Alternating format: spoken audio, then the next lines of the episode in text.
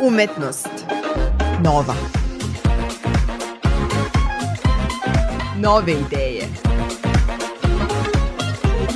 Energije. Pogledi. Moja odgovornost je da osvojim slobode koje postoje, pa tek onda da tražim svoju slobodu kao neko ko se bavi režijom.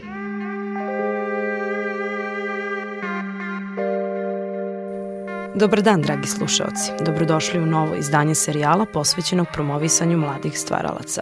Moje ime je Isidora Bobić, a u ovoj epizodi predstavljam mladog reditelja i pesnika Nemanju Mijovića. Rođen 2000. u Beranama, student je četvrte godine pozorišne i radio režije u Beogradu i jedan je od redkih stvaralaca u regionu posvećenih proučavanju telesnog teatra. Zbog velikog interesovanja publike, njegova predstava Psihoza u 4.48, rađena prema poslednjem tekstu Sare Kane, postala je deo pozorišnog repertoara u Kulturnom centru Novog Sada, a nedavno je objavio i prvu knjigu poezije Sjene smrti bose hodaju kroz san u izdanju Besani.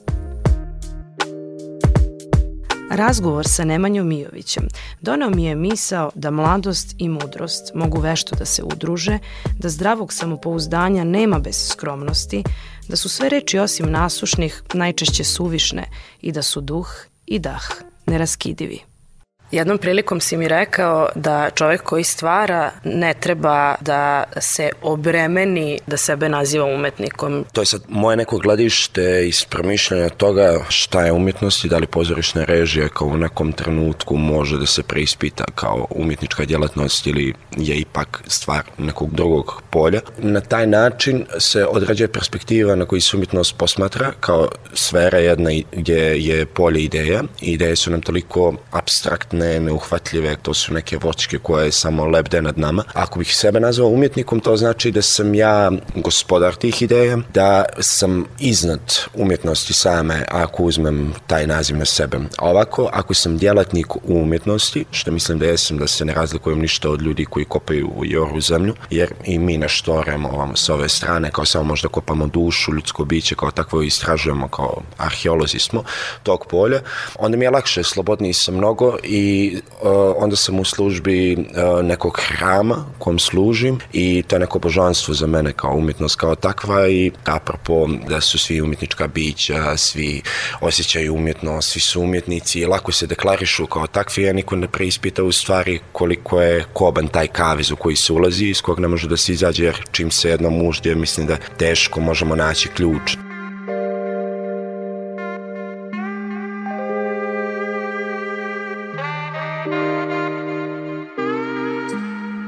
Došli smo do pojma slobode, jednog veoma paradoksalnog fenomena, pa ajde da govorimo o slobodi u rediteljskom poslu. Spomenao si poniznost koja je nužna da bi se služilo umetnosti. Postoji predrasuda da su reditelji egoistični, samim tim što su u nekoj ulozi kao nekog boga koordinatora celog projekta. Govorimo o ozbiljnom timu, dakle reditelj mora da vodi tim u kom je i majstor svetla i kostimograf i ne samo glumci i dramaturg. Kako doživljavaš slobodu u tom timskom radu, u tom sudelovanju svih vas? Reditelj ne bih rekao ni da je ego ističan u tom smislu, nego da je više polje narcisa u pitanju. I to vlada sa nekim razlogom, a i sad kao istorijski možemo to posmatrati kada se razvilo rediteljsko pozorište kao takvo, pa kao šta je proisteklo iz svega toga i da su onda glumci neke marionete, to je cijeli tim koji radi za našu ideju.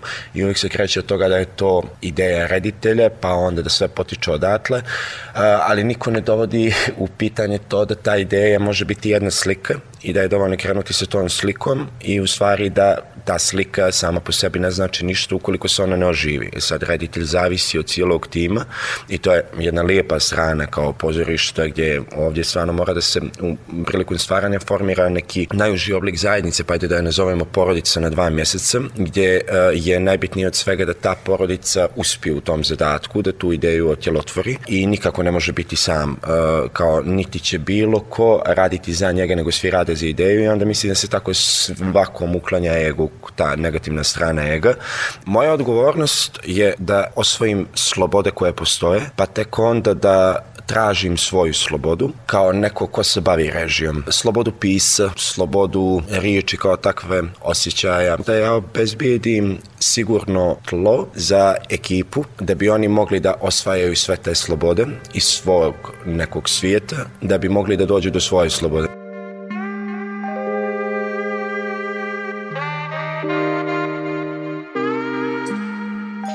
Istražuješ fizički teatar. Zašto je baš to polje gde želiš da se ostvariš? Pozorište nastalo iz rituala. Ritual je uh, striktno vezan za tijelo kao takvo. Mislim da smo izgubili osjećaj za riječ i da smo daleko od toga da percipiramo da riječ kao takva ima moć i da se u ritualu riječ koristila da se prizove nešto. Znači riječ je bila odmjerena i u određenom trenutku i ona izlazila baš kad treba. Danas je sve puka verbalizacija. Toliko verbalizacija mislim da, da se udaljujemo od svog unutrašnjeg bića. Mi se bavimo definicijom, a ne artikulacijom naših osjećanja, a osjećanje je kompleksno polje i teško da možemo da mu priđemo jer je na strani iracionalnog, a ono što mi racionalno pokušavamo da definišemo jeste osjet.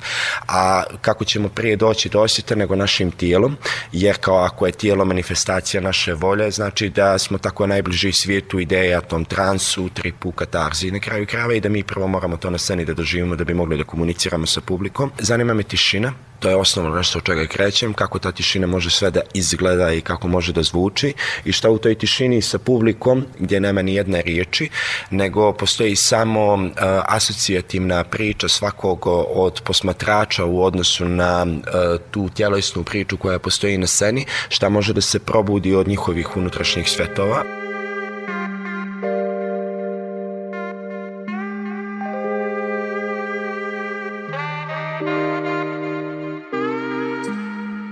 Da li ti kao pesnika intrigira tišina? Mislim da su svi najveći pesnici promišljali tišinu. Jedan pesnik je rekao da, parafraziraću, pesma treba da se ili reč e, približi granici Božijeg ćutanja. Objavio si ove godine zbirku pesama koja se zove Sjene smrti bose hodaju kroz san. Kaži mi nešto o svojoj poetici i možda baš o promišljanju odnosa reči i tišine u poeziji. O tišine sve kreće i sam proces uh, pisanja jeste neka tišina koja ja nikad ne mogu da se sjetim, nego je to uh, neki limbo u koji upadnem, kao što jeli, je eter, kao u svemiru i to je neka crna materija koja obuzme samo i onda iz te crne materije se samo uh, te misli koje su koje se odvoje od pomisli, kojih je glava puna, izađu na taj papir i nekako posle kad pročitam vidi da je to, vidim, to je suočen sam sa nekom stvarnošću koju sam proživio u toj tišini, a nisam u tom trenutku bio svjestan.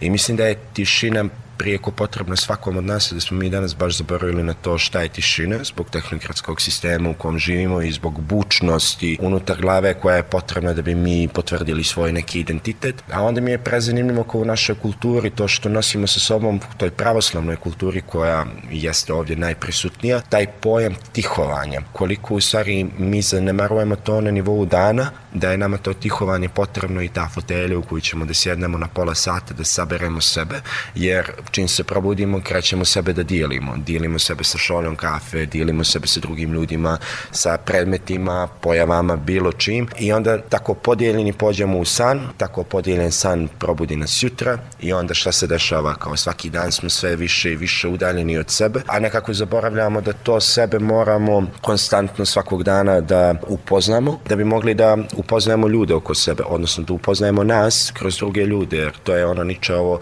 sveto da smo najudaljeniji od sebe. Hvala ti na svim ovim divnim plemenitim rečima. Završit ćemo ovaj razgovor u tišini. Hvala tebi.